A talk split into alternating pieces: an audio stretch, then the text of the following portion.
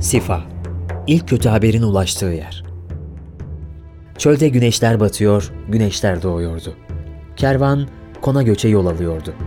Günlerden beri küfelerin içinde güneşin bağrında, kum fırtınaları arasında yol alan çocuklar, kadınlar, insanlar insanlıktan çıkmıştı. Her biri kumdan bir canlı gibi hareket ediyordu. Sarışın ikindilerde gölgeler uzasa da güneş hararetinden bir şey kaybetmiyordu. Sifah bölgesine geldiklerinde kafile tekrar mola verdi. Güneş arkasında koyu bir kızıllık bırakarak çölde kaybolduğunda İmam Hüseyin'in müezzini bir kayanın üzerine çıkarak bir günün daha bittiğini haber veren akşam ezanını okudu. Çölde kumların, kayaların üzerinde ellerdeki ibriklerle abdestler alındı. Az sonra İmam Hüseyin'in akşamın alacakaranlığında yankılanan Allahu Ekber sesiyle bütün alımlar hep birlikte kızgın kumlardaydı. Çöl rüzgarı, tepelerindeki ay, ufuktaki dağlar, alemlerin Rabbini anıyordu. Çöl rüzgarı, tepelerindeki ay, ufuktaki dağlar, alemlerin Rabbini anıyordu. Çölde cem vaktiydi. İlk kötü haber burada kulaktan kulağa yayılmaya başladı. Yezid, Serhat boylarındaki komutanlardan merkeze asker göndermelerini istemişti. Bu çok da hayra alamet gibi görünmüyordu. Kafile Sifah'tan ayrıldıktan bir müddet sonra yolda Arap'ın büyük şairi Ferazdak'la karşılaştı. İmam Hüseyin ona, Irak halkını geride ne halde bıraktın? dedi. Ferazdak, onların kalpleri seninle, kılıçları Ümeyye oğullarıyladır. Rumme Vadisi Kafile Rumme Vadisi'ne vardığında kuyu başlarında bazı insanlarla karşılaştı. Buradaki insanlardan Küfe valisinin değiştiğini, mutedil olan Numan bin Beşir'in yerine zalim Ubeydullah bin Ziyad'ın vali olduğunu öğrendiler. Ubeydullah'ın babası Ziyad herkesçe maruftu. O, Muaviye'nin keskin kılıcıydı. Oğlu da babasından geri değildi.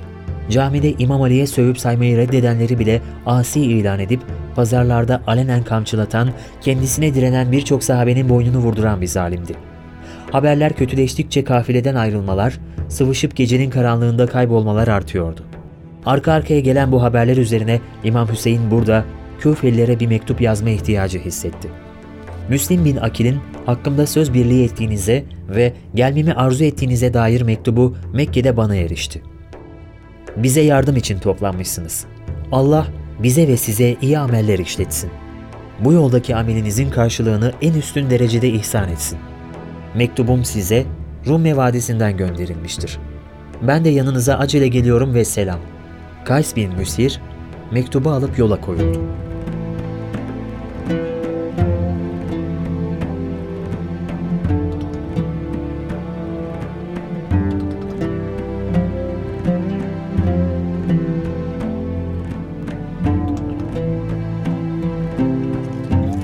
Zübale Kafile günlerden beri yol alıyordu. Geceler boyunca kızgın kumlar yatak, gökyüzü yorgan olmuştu. Sıcak bir yatağa, sıcak bir yemeğe hasrettiler. Ne var ki onların değil, yol ve çöl şartlarının istediği oluyordu. Gözün alabildiği kadar uçsuz bucaksız kum deryasında yüzen kafileyi güneş ateşiyle kasıp kavuruyordu. Sıcak bir yandan, çöl rüzgarları bir yandan. Kafile günler sonra Zübale bölgesine yaklaştıklarında keşif kolunda görev yapan Ali Ekber ve diğer gençler ufuk çizgisinde beliren dört atlı gördüler. Kum tepeleri arasında bata çıka kendilerine hızla yaklaşan atlıların kim oldukları belli olmuyordu. Dost mu, düşman mıydılar? Ali Ekber eliyle yanındakilere dur işareti yaptı. Gelenler Samyeli ve çöl fırtınasından korunmak için kat kat kıyafetlere bürünmüşlerdi.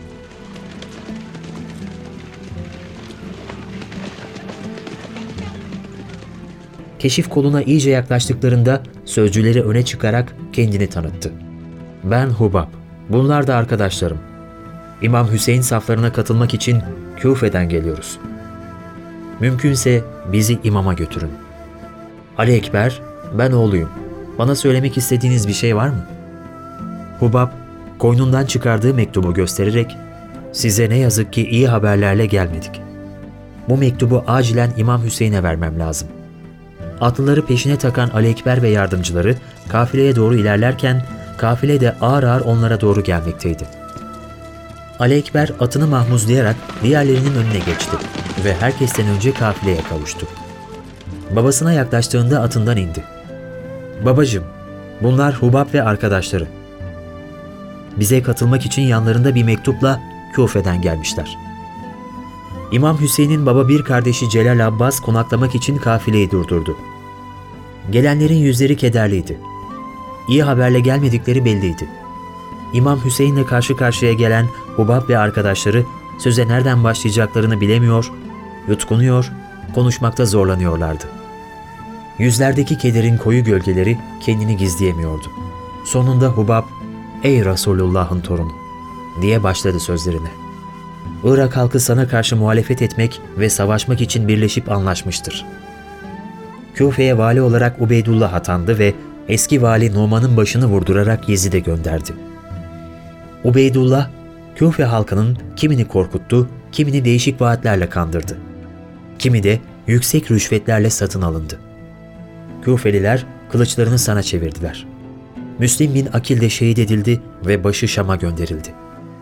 Şu da onun şehit edilmeden önce size yazdığı son mektubudur. Diyerek elinde tuttuğu mektubu İmam Hüseyin'e uzattı. Biz size verdiğimiz sözün arkasında durarak dört arkadaş buraya geldik, dedi. İmamın gözleri doldu. Bu sırada kadınların bulunduğu bölümde ağıtlar yükselmeye başladı. Ali Ekber'in eşi Atike, babam diye feryat etmeye başlayınca kadınlar kurulmakta olan çadırların önünde hıçkırıklara boğuldu. Müslim'in oğlu Abdullah imamın yanına gelerek ''Başımız sağ olsun ey amcam'' dedi ve ağlamaya başladı. İmam Hüseyin Abdullah'a sarılarak onu teselli etmeye çalışırken Müslim'in küçük oğlu İbrahim de geldi yanlarına. İmam Hüseyin Abdullah'ı bırakıp ona sarıldı. Müslim'le Hani bin Urve'nin şehit edilmeleri başta İmam Hüseyin olmak üzere Ehli Beyt'e çok ağır geldi. Ali Ekber söz aldı. Babacım, geri dönelim. Iraklılar gaddardırlar. Vefa ve sadakatleri azdır. Müslim bin Akil'in oğulları, vallahi babamızdan sonra yaşamak bize yaraşmaz. Geri dönmeyiz, dediler. Müslim bin Akil'in kardeşleri, vallahi kardeşimiz Müslim'den sonra yaşamak bize yaraşmaz. Ölmedikçe geri dönmeyiz, diyerek yeğenlerine destek çıktılar. İmam Hüseyin, Müslim'in oğullarını ve kardeşlerini kastederek şunlar da ölecek olduktan sonra yaşamakta hayır yoktur, dedi. Aslında geri dönmek de çare değildi. Mekke, Medine bile onlara dar edilmemiş miydi? Şimdi nereye yönelseler, kıskıvrak yakalanarak Şam'a, Yezid'in huzuruna çıkarılmayacaklar mıydı? Küfe'ye ulaşmayı başarabilirlerse belki halk İmam Hüseyin'i görünce yeniden etrafında kenetlenebilirdi. İmam Hüseyin kafiledeki bütün erkekleri topladı. Binlerce Küfeli'nin bana biat ettiğini düşündüğünüz için yola düşüp geldiniz. Benimle yola çıkma sebebiniz budur. Fakat şimdi durum değişmiştir.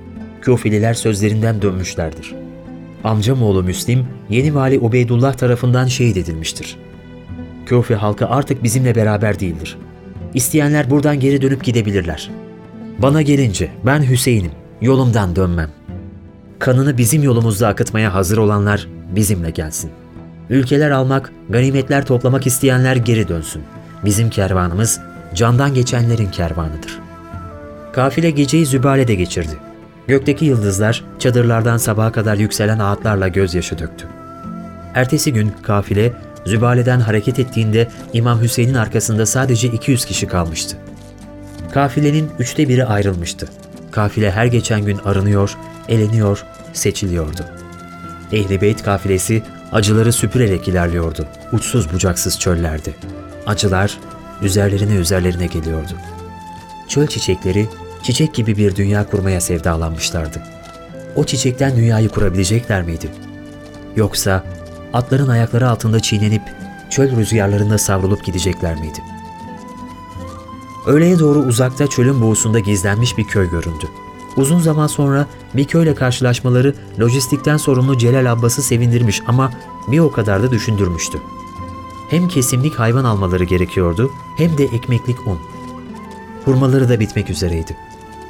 Kafile ardı ardına gelen acı haberlerden sonra tam bir ölüm yürüyüşündeydi. Kimsenin ağzını bıçak açmıyordu. Nereye yönelseler çepeçevre kuşatılmışlar gibi bir hal vardı. Bir çaresizlik içinde uçsuz bucaksız çölde ölümün üstüne üstüne yürüyorlardı. kona göçe uçan yuvasız kuşlar gibiydiler. Ev halkı evsizdi, yurtsuzdu, yuvasızdı.